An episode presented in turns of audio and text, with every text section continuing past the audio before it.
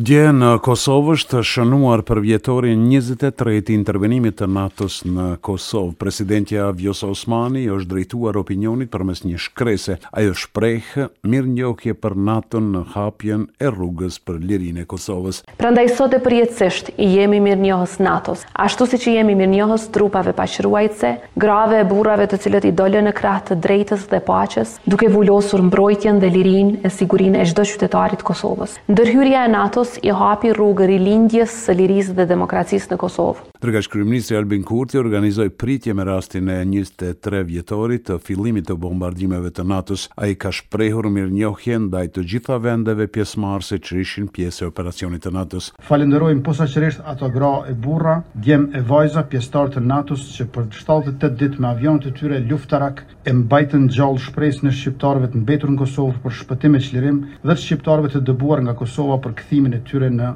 atdheun e lirë. Edhe Kuvendi i Kosovës mbajti seancë solemne për shënimin e njëzet e tre vjetorit të ndërhyrjes së NATO-s në Kosovë, e cila filloi me një minutë heshtje në nderim të ish-sekretares së Shteteve të Bashkuara të Amerikës, Madeleine Albright, e cila vdiq në moshën tetëdhjetë e katër vjeçare. Ndryshe sot në Kosovë është ditë zie në nderim të kësaj figure markante për popullin shqiptar të Kosovës. Për dallim nga vendi ynë, në shtetin fqinj, më saktë në Beograd, qytetarë të shumtë kanë festuar me të marrë lajmin për vdekjen e Medlin Olbrajt. Qeveria e Kosovës nuk i ka thënë jo mbajtjes së zgjedhjeve serbe në Kosovë, por ka kërkuar që dy vendet të merren vesh paraprakisht. Kështu ka deklaruar kryeministri Albin Kurti duke shtuar se Bashkimi Evropian nuk ka qenë i lumtur që ai nuk ka pranuar që gjithçka të përmbyllet përbrenda një letërshkëmbimi ndërmjet zyrtarëve. Nuk do të thosha që Qeveria e Republikës së Kosovës ka marrë vendim për mosmbajtjen e zgjedhjeve të Serbisë në Kosovë,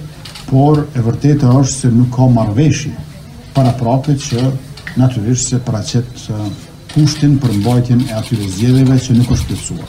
Ne kemi pritur një shkëmbim normal të letrave, të kërkesës së tyre, të trajtimit tonë, mirëpo kjo gjë nuk ka ndodhur. Përmes një proteste të mbajtur në veri të Mitrovicës, Lista Serbe ka bërë të ditur se do t'i ngrijë pozitat e tyre derisa të shfuqizohet vendimi për suspendimin e gjykatëses serbe Ljiljana Stevanoviq, e cila mori pjesë në takimin me presidentin e Serbisë, Aleksandër Vuçiq. Ndërkohë, shtetet e Kuintit dhe Bashkimi Evropian i kanë bërë thirrje Kosovës dhe Serbisë që të përmbahen nga çdo retorikë apo veprim që mund të rrisë tensione. Kryeministri Albin Kurti ka reaguar pas protestave të serbëve në veri të vendit. Ai ka shkruar në Twitter se ai nuk pezullon gjyqtarë e as prokurorë. Kurti ka shkruar në Twitter se gjyqësori është i pavarur nga qeveria dhe ndoshta presidenti Vuçiq largon nga puna gjyqtarët e prokurorët, por kjo nuk ndodh në Kosovë. Lidhur me problematikën e zgjedhjeve serbe, i pari i Qeverisë së Kosovës, Albin Kurti i ka dërguar një letër ambasadorit të Bashkimit Evropian në Kosovë, Tomash Szunyog,